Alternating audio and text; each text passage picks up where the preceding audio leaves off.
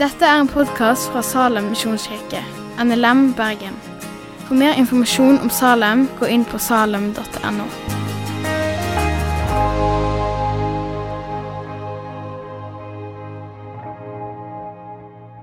God søndag, alle sammen. Vi fortsetter å be. litt. kan vi be litt for gavene som kommer inn? Vi vender oss til Gud i bønn. Kjære Jesus, vi takker deg igjen for din over vår liv. Takker deg for muligheten vi har til å samles om ditt ord og i ditt navn. Nå ser du de pengene som kom inn. Vi ber om at du eh, gir visdom til de skal forvalte de, at de blir forvalta på en god og rett måte som kan være til gang for ditt rike. Vi ber om det, Jesus. Så ber vi òg for det vi skal dele i formiddag. Du kjenner behovet vårt, du kjenner hva vi trenger, og vi ber om at du, Hellige Ånd, åpenbarer for oss din sannhet. I ditt navn vi ber. Amen. Vi starter i dag, eller Denne helga så starter vi en taleserie eh, med overskriften 'Vi er Kristi kropp'. Så Jeg skal gå over fire helger, og jeg har fått eh, det ærefulle oppdraget å starte, eller åpne ballet. Og så kommer Gjermund og Mathias og Ole Kristian Sammeien, som noen av dere husker, og fylle ut det som jeg mangler. Det blir ganske mye, for vi skal bare touche innom et visst tema i dag.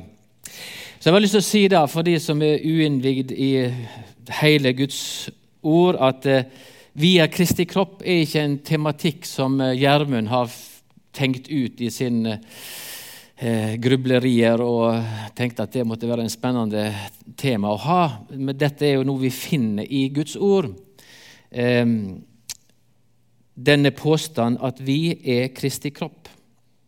Og Målet for denne taleserien det er at vi ønsker å så godt som vi får til å belyse nådegavemangfoldet og den funksjonen som dette nådegavemangfoldet har i kraft og på bakgrunn av Guds ord. Det er målet som en har satt seg. Og Så er spørsmålet da, hva er da greia med kroppmetaforen? Vi vet at en kropp er synlig. En kropp kan vi, hvis vi kommer nær nok, ta på. Um, um, vi kan se den, og vi kan høre den um, personen. Fordi at en kropp er ikke bare et tomt skall som møter oss, men det er en person med en personlighet, med evner og anlegg. Så hva er greia med kroppmetaforen når vi tenker det ut ifra det perspektivet der? At vi er Kristi kropp. Hvordan den personen vi møter, eh, framstår, vil jo avgjøre hvordan vi ønsker å forholde oss til den personen. ikke sant? Det vi spontant reagerer på når vi ser en kropp, det er utseendet. Og når det sitter og ser på meg, så bevisst eller ubevisst så har det gitt en verdi på, eller analyse av den kroppen som står her. Det trenger jeg ikke lure på om de har gjort. Det gjør vi når vi sitter i en sal og ser på en person der framme. Så har vi automatisk gjort et, en analyse av, eller en vurdering av den kroppen. Men en annen måte å, å, møte et menneske på er jo når vi lærer personen å kjenne. Personligheten, evne, anlegg som den personen har, så får vi ofte et annet perspektiv. Er den personen omsorgsfull, varm, tillitsvekkende, eller er det en narsissist eller psykopat vi står overfor? Så Det avgjør hvilken rolle vi ønsker å ha til den, eller hvilke eh, fellesskap vi ønsker å ha med den personen og den kroppen. Da Gud ble menneske i Jesus Kristus, så ikler han seg en kropp. Denne kroppen og de som levde på hans samtid, kunne se han, de kunne høre han, og noen fikk ta på han. Og mest av alt så erfarte de hans personlighet, hans godhet, hans nåde og hans kjærlighet. De mennesker som han møtte, ble eksponert nettopp for hans ubetinga nåde og kjærlighet. Og de mennesker som erfarte det, det står, Han var som en magnet på dem. De holdt seg nær til han, og det var særlig tollere og syndere, de som falt utenfor i samfunnet, de opplevde at her var en person så det var godt å være nær. Vi skal bare ta to bibelvers som forankrer begrepet vårt via vi er Kristi kropp i Guds ord. I 1. Korinterbrev 12,27 og Romerbrevet 12,5. Men det er Kristi kropp, og hver dykk en lem på Han. På samme måten er vi alle en kropp i Kristus, men hver for oss er vi lemer for hverandre. Det er litt sånn mind-blowing å tenke at vi som sitter her, utgjør Kristi kropp. Ikke alene i verden, men alle kristne. Men la oss fokusere inn her, da. Vi er Kristi kropp. Det er det Guds ord peker på. Når det virker som Paulus peker på menigheten i Korint og sier det er Kristi kropp. Og Den sammenhengen Paulus tar dette fram i, er nettopp i hans undervisning om nådegavene. Gud har utrusta hver og en av oss med en eller flere nådegaver. Og Dette nådegavemangfoldet er det som blir brukt begrepet om lemmer på et legeme som er Kristi kropp. Så de ulike nådegavene står ikke alene isolert for seg sjøl, men de henger sammen med resten av legemet Kristi kropp.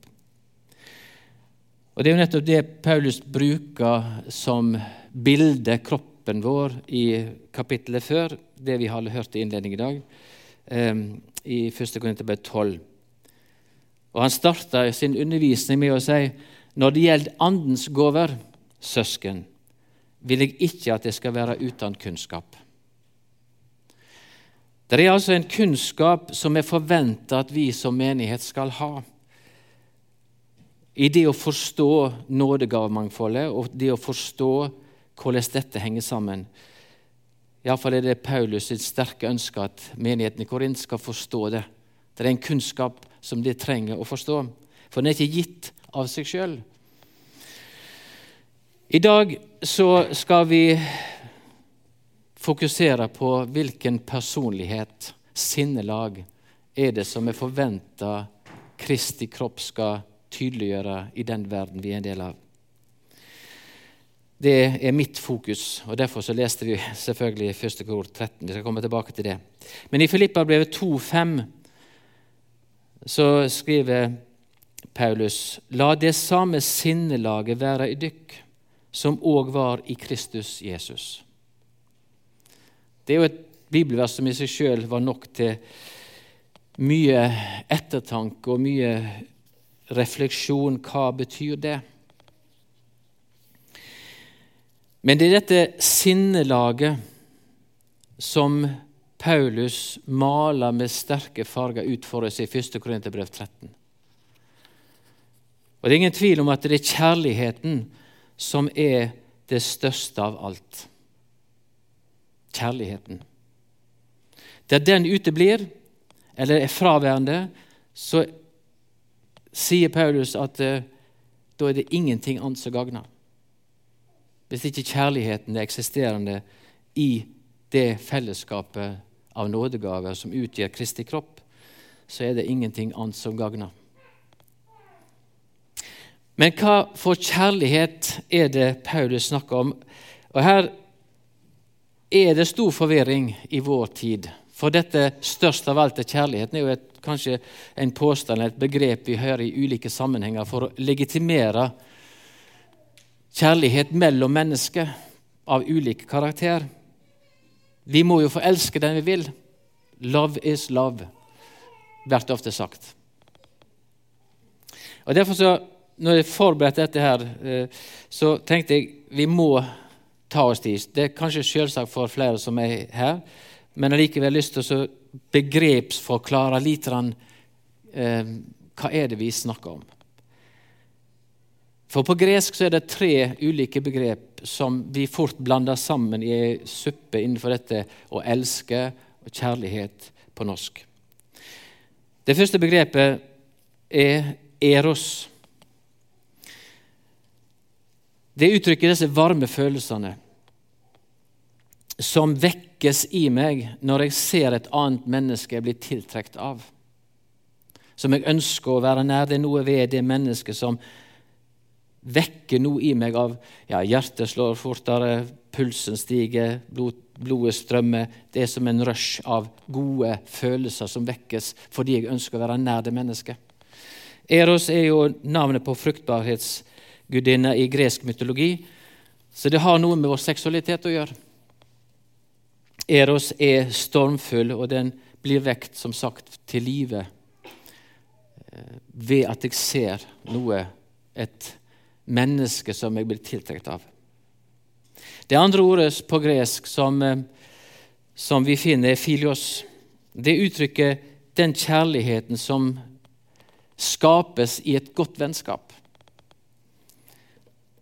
Et godt vennskap er noe fantastisk når det er forankra i tillit og trygghet. Jesus, I Johannes 15 så Jesus, sier Jesus til sine læresvenner det er vennene, altså filios mine, så sant det gjør det jeg byr dykk. Jeg kaller dere ikke tjenere lenger, for tjeneren veit ikke hva Herren hans gjør. Jeg kaller dere venner, for jeg har fortalt dere alt jeg har hørt av far min. Det er gode, dype tillitsforhold der vi kjenner hverandre. Vi vet både styrker og svakheter hos hverandre. Vi deler kanskje ting vi ikke deler med alle. For vi er trygge på hverandre. Vi vet at uansett så er vi der for hverandre.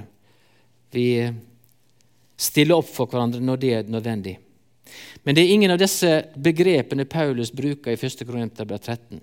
Det begrepet Paulus bruker der, er agape. Agape er den ubetinga kjærligheten. Og Den blir som of, veldig ofte sett i motstykke til eros, som er betinga. Og filios òg er betinga. Men den ubetinga kjærligheten, det er det som Paulus eh, bruker som begrep her. Den er ikke motivert av ytre omstendigheter. Den, er, den eksisterer i kraft av seg sjøl. Jeg har si at Hadde vi som mennesker, som kristne mennesker virkelig forstått agapekjærligheten, så hadde vi aldri stilt spørsmål om ting omkring om Gud kan elske meg. For så snart jeg stiller det spørsmålet, så har jeg gitt det en betingelse. Er jeg god nok, eller er jeg tilstrekkelig? Agapekjærligheten elsker ubetinga bare som en innskytende. Vi skal gå til 1. Johannes, Johannes brev. som er Johannes, Apostelen Johannes blir jo kalt for kjærlighetens apostel. Så han maler òg dette ut. Vi skal eh, lese ifra vers 7 og 8. Mine kjære, la oss elske hverandre, for kjærleiken er fra Gud. Og hva den som elsker, er født av Gud og kjenner Gud. Den som ikke elsker, har aldri kjent Gud, for Gud er kjærleik. Og så har jeg, som du ser, sett inn der Paulus bruker agape-begrepet. Til og med mine kjære er det agape-kjærligheten han, han sikter til. Den kjærligheten. som vi kan kjenne når vi reiser rundt i verden og møter kristne andre steder, så er det umiddelbart en, en kjærlighet som vekkes der. Og de ser sjøl hvor det agape-begrepet som blir brukt. Den ubetinga kjærligheten. For Gud er ubetinga kjærlighet. Første Korinterbrev er jo sjølve definisjonen på agape. Og Paulus plasserer altså hans, sin undervisning om agapekjærligheten midt inn i sin undervisning om nådegavene. Og det er med hensikt. For han gjør det for å understreke den personlighet, den karakter, som skulle prege Kristi kropp i denne verden, som du og jeg er en del av.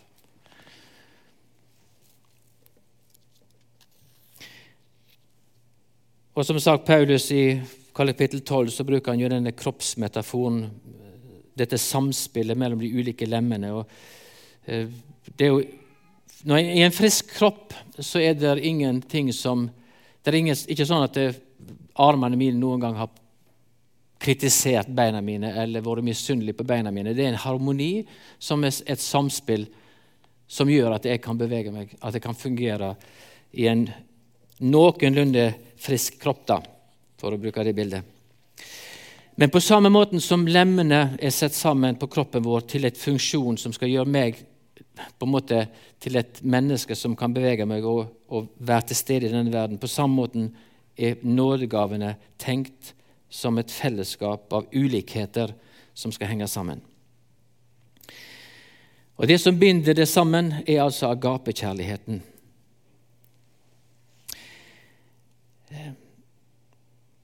Og Derfor så er det jo til å gråte over, syns jeg, når vi ser på hvor mye strid, splid, krangel, misnøye eh, som vi kristne kan få til i fellesskapene våre. Når det kommer opp, så er det et veldig tydelig tegn på at agapekjærligheten er fraværende, for vi setter betingelser. Hvis ikke jeg får det som jeg vil, hvis ikke det passer meg, så trekker jeg meg. Skal vi lese igjen 1. Korinterbrev 13? Kjærleiken er tålmodig, agape. Kjærleiken er velvillig, agape. Misunner ikke, skryter ikke, er ikke hovmodig. Kjærleiken, agape, krenker ikke, søker ikke sitt eget, er ikke oppfarende, gjemmer ikke på det vonde. Han gleder seg ikke ved urett, han gleder seg ved sanninga. Alt holder han ut, alt tror han, alt voner han, alt tåler han. Kanskje det er bare meg, men jeg kjenner det utfordrende å lese en sånn tekst. Hvis jeg bruker det som speil inn i mitt liv. For dette er ikke min naturlige karakter eller personlighet. Det er ikke mitt default å ha denne karakter i mitt liv. Det er rett og slett unaturlig for meg. Det som ligger meg mye mer som naturlig reaksjon, det er kritikk, misunnelse. Det er så lett for meg å peke på andres feil. Misunne andre som får ting bedre til enn meg. En av vår tids fremste samlivsforskere, John Gottman, som har studert samliv i over 40 år, han har funnet fire kriterier, eller faresignal, for samliv som holder på å bryte opp. Og Det første faresignalet er kritikk. Um, han sier det sånn at det, det, kan virke som om den som kritiserer, tenker at hvis jeg bare peker på den andre sin feil, så vil den personen automatisk endrer seg til det som er bedre. Ja, han sier at det, det kan virke som den personen i sitt indre har en forståelse av at den andre må nesten takke meg for at jeg er så i min opphøyhetsposisjon kan påpeke dine feil, for da har du mulighet til å bli et bedre menneske. Men så sier han det resulterer i den andre faresignalet, og det er selvforsvar. Jeg tror vi alle har erfart det. Hvis vi får kritikk, så får vi et behov jeg må forsvare meg. Og så er krangelen i gang hvem som har mest grunn til å peke på den andre. Du peker på meg, jeg kan sannelig finne mange ting hos deg som jeg kan peke på. Det kan utspille seg i mange ekteskap, men sannelig i menighetsliv òg så kan det være noe som kan dominere. Jeg vet ikke om Du, du har sikkert lagt merke til hvor mye lettere det er å endre seg hvis jeg vet jeg er elsket, enn om jeg får kritikk. Det er ganske stor forskjell på det. Hvis jeg vet at det er mennesker som påpeker kanskje noe i mitt liv, hvis jeg vet jeg er elsket, enn at det kommer som kritikk. Så spørsmålet er hvordan skal denne agapekjærleiken få rom i ditt og mitt liv? Som ikke jeg har med meg som naturlig i mitt naturlige menneske. Hvordan skal Kristi kropp bli gjennomsyra av agapekjærlighet i fellesskapene våre. Vi går tilbake til 1. Johannes brev, kapittel 4. Vi skal lese et eh, avsnitt her. Vi skal hoppe litt fra vers til vers. De ser det på skjermen. Og Igjen har jeg lagt inn i parentes begrepet som er brukt i teksten. Ja, dette er kjærleiken, ikke at vi har elska Gud, men at Han har elska oss og sendt sin Sønn til soning for syndene våre. Mine kjære, har Gud elska oss så, da skylder vi å elske hverandre. Og Så kommer et viktig moment her i det vi snakker om. Vi har lært å kjenne kjærleiken, agape. Det er ikke noe jeg har av meg sjøl. Jeg har lært det. Av Gud og den kjærligheten Han har til oss. Og vi har trodd på Han. Gud er kjærleik. Og den som blir værende i kjærligheten, blir værende i Gud, og Gud i Han. Og så kommer nøkkelverset i det vi snakker om. Vi elsker fordi Han elsker oss først. Den som sier 'jeg elsker Gud', men likevel hater bror sin, er en løgner. For den som ikke elsker Gud, bror sin, som han har sett, kan heller ikke elske Gud, som han ikke har sett. Og dette er boet vi har fra Han. Den som elsker Gud, må elske bror sin. Poenget er at dersom jeg i det hele tatt skal få et forandra sinn, og kjenne at agapekjærligheten begynner å skapes et rom for i mitt indre, så må jeg lære det ved å se hvordan Gud har elska meg. Det er der utgangspunktet er. Um, Guds kjærlighet til meg er konstant. Og Den har han vist i Jesus Kristus. Og Derfor sa jeg Hvis vi hadde skjønt Guds konstante kjærlighet, så hadde vi aldri stilt det spørsmålet kan Gud elske meg. Det er ikke det det er snakk om. Og Hvis vi begynner å fokusere på hva, hva Guds kjærlighet har ført til i mitt liv, hva nåde, tilgivelse, han har utøst i sin kjærlighet over mitt liv, så er det der læringspotensialet mitt er til å forstå at denne kjærligheten må jeg òg vise til min neste. Det er jo et hån imot Guds kjærlighet hvis jeg ikke kan tilgi min neste, elske min neste. Ja, til og med min fiende, sier Bibelen. Det er dramatisk. Etter Jesu oppstandelse så møter Jesus Peter på stranden. 'Elsker du meg, Peter?' spør Jesus. Og Peter kommer ut fra en situasjon der han tre ganger har svikta, svikta sin Herre og Frelser. Og det er ingenting som kvalifiserer Peter for noe annet enn agapekjærlighet. Jesu kjærlighet til Peter er konstant, men det Jesus er opptatt av, elsker du Peter meg? Ser du at jeg elsker deg? Og Det er når denne kjærligheten og ubetinga kjærligheten over mitt liv møter meg, at mitt hjerte kan endre seg ifra å være betinga i min kjærlighet til å bli ubetinga. Så det er dette Paulus ønsker å få fram når han underviser om nådegavene. Hvordan, ikke bare i fellesskapet, men hvordan vi som kristne er til stede i denne verden med denne ubetinga kjærlighet. Så det er det som har vært mitt poeng, å understreke det. Så blir det mer undervisning om nådegave, funksjon og bruk senere, men det er selve sinnelaget som han bruker et langt avsnitt på å beskrive for oss. Og kanskje, kanskje er det sånn at vi trenger å be som salmisten i Salme 139, 23 og 24. Ransak meg, Gud, og kjenn mitt hjerte. Prøv meg og kjenn mine tanker. Sjå meg følger av Guds veg, og lei meg på den evige vegen. Skal vi be. Kjære Jesus, vi takker deg igjen for at din kjærlighet er ubetinga. Og la oss få lov til å erfare din kjærlighet mest av alt, sånn at vi òg kan elske vår neste og være gjennomsyra av den kjærligheten som du har i den verden vi er en del av. Og du ser den verden vi lever i, trenger mer enn noen gang din kjærlighet, din nåde.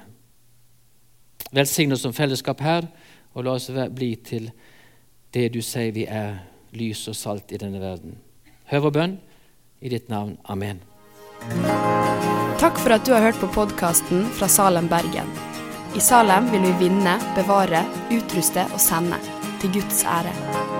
Vi ønsker å se mennesker finne fellesskap, møte Jesus og bli disippelgjort her i Bergen og i resten av verden. Vil du vite mer om oss, gå inn på salem.no.